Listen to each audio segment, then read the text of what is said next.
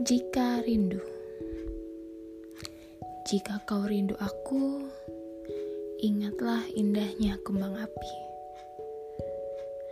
karena aku akan selalu bersinar untuk menerangi malammu, menguatkan hatimu dengan warnaku yang indah, dan juga dengan suaraku yang lantang.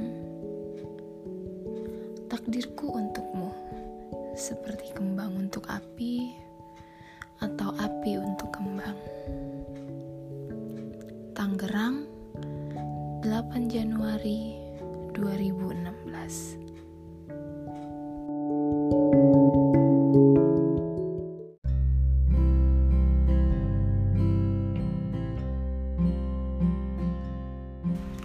Hai, capek ya?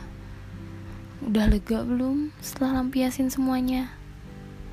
Udah yuk, disimpan lagi tenaganya buat besok. Masih ada yang harus dan lebih penting diperjuangin.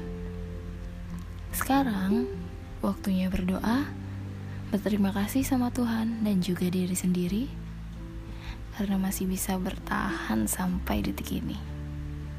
Setelah itu, pejamkan mata kamu dan bayangkan hal-hal indah yang sudah atau akan terjadi. Dan selamat malam.